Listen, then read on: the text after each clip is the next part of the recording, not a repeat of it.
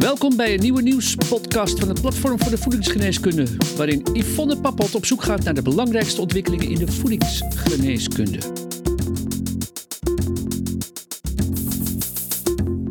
Hallo luisteraars, welkom weer bij de wekelijkse nieuwspodcast van Voedingsgeneeskunde. Met deze podcast willen we jou inspireren over de rol van leefstijl, voeding en specifieke nutriënten in relatie tot gezondheid en ziekte. Ik ben Yvonne Pappot en vandaag ga ik in gesprek met Andrea van Vuren over alcohol. Nou, welkom weer Andrea. Dankjewel Yvonne.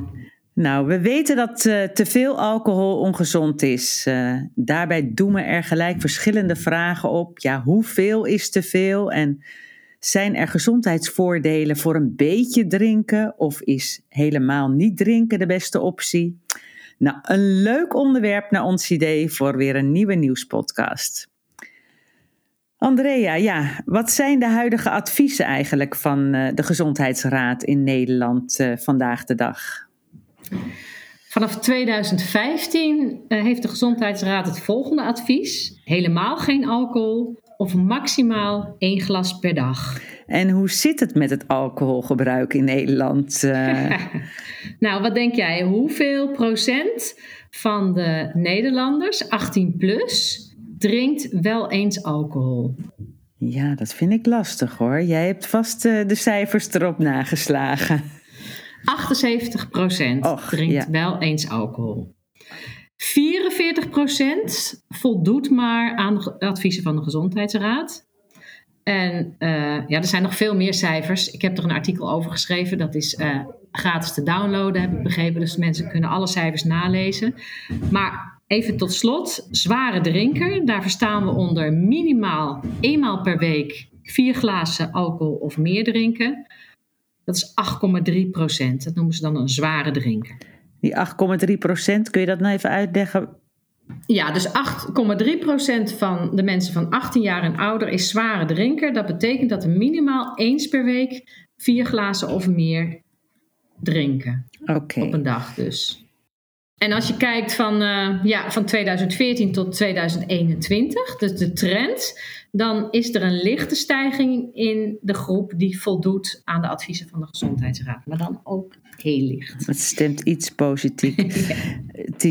Er is veel onderzoek ook gedaan hè, naar alcohol in relatie tot gezondheid. Uh, je hebt er dus zelf ook inderdaad een artikel over geschreven. En ja, uh, daarin geef je ook aan dat overmatig alcohol uh, ja, een oorzakelijke factor is van maar liefst meer dan 200 ziektes. En ja, dat er ook wereldwijd uh, jaarlijks 3 miljoen mensen als gevolg van overmatig alcohol sterven.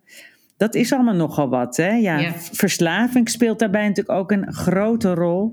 Ja. Ja, kun jij kort op een rijtje zetten wat de belangrijkste schadelijke effecten zijn van dat overmatige alcoholgebruik?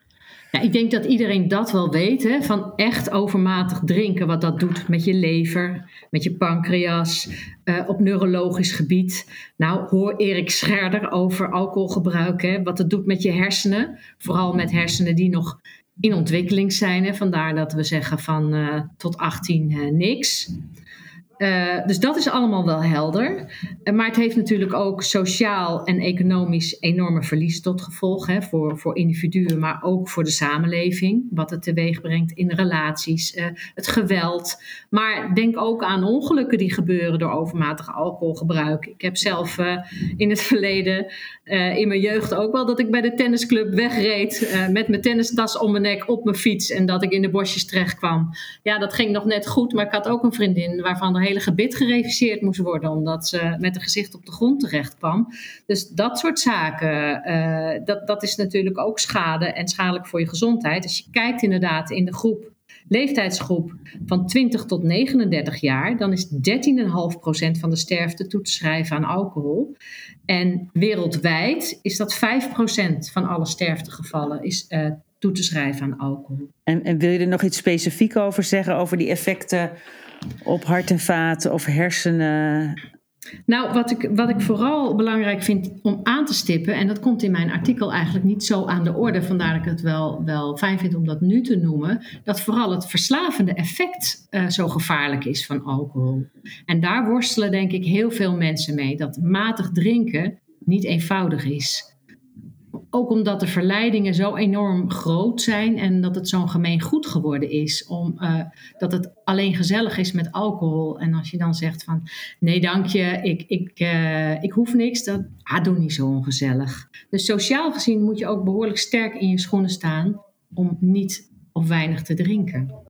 Maar is er ook nog wel iets te zeggen dat een kleine hoeveelheid beschermend is? Genoemd wordt vaak dat uh, glas rode wijn, dat dat goed zou zijn voor de gezondheid.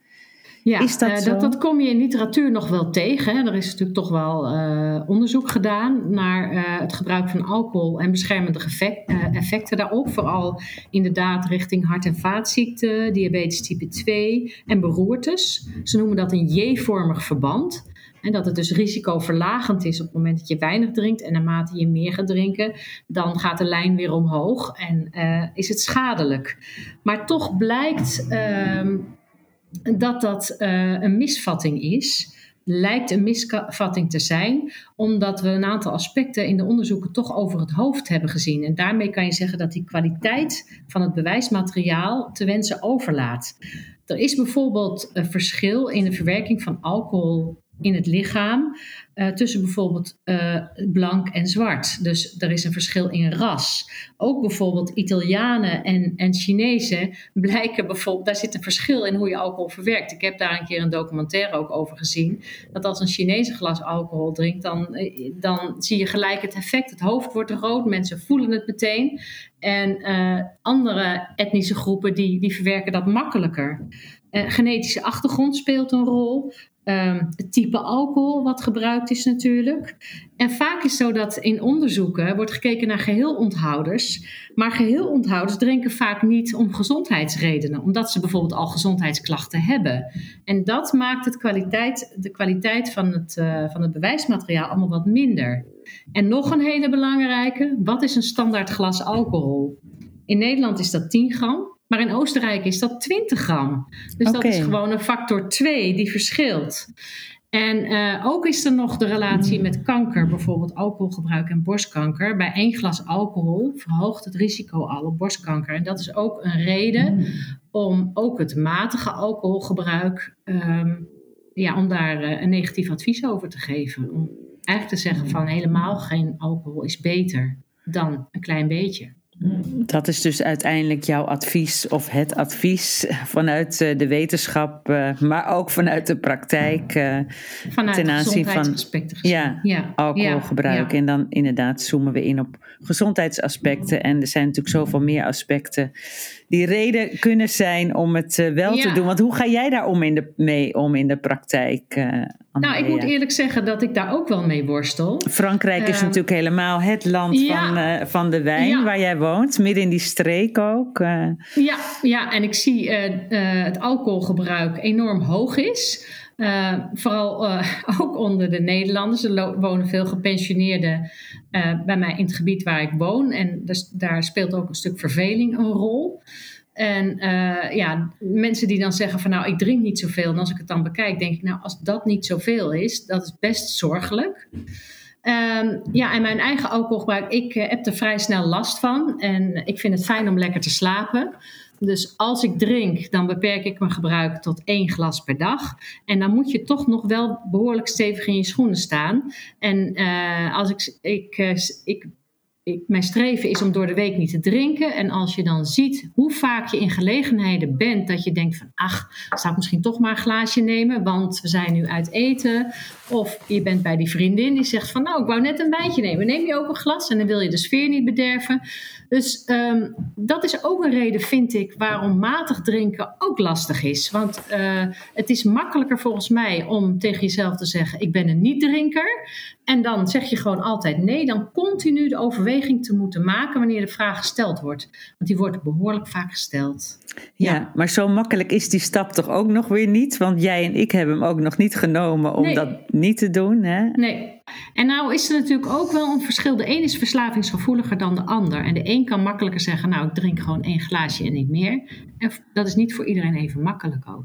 Klopt. Dat moet ik ook bij zeggen, ja. Wat heb jij uh, uh, voor boodschap tot slot uh, voor de luisteraar? Ja, uh, ik, ik wil niet belerend zijn of zo. Ik denk dat, dat, de, de, dat iedereen dat voor zichzelf moet overwegen. Maar het is wel heel belangrijk om jezelf te informeren wat de effecten zijn van alcohol. Um, en, en het is ook misschien goed om, dat doen veel mensen hè, die januari dan niet drinken. En wat ik dan hoor van mensen is dat het ze verschrikkelijk goed bevalt om een maand niet te drinken. Ze voelen zich fitter, uh, ze slapen beter. Maar dat ze uiteindelijk toch, dat er weer makkelijk insluipt en dat ze dan toch weer zeggen, ja, ik drink toch eigenlijk weer te veel. Dus uh, wat daar een ad het advies in is, vind ik heel erg lastig.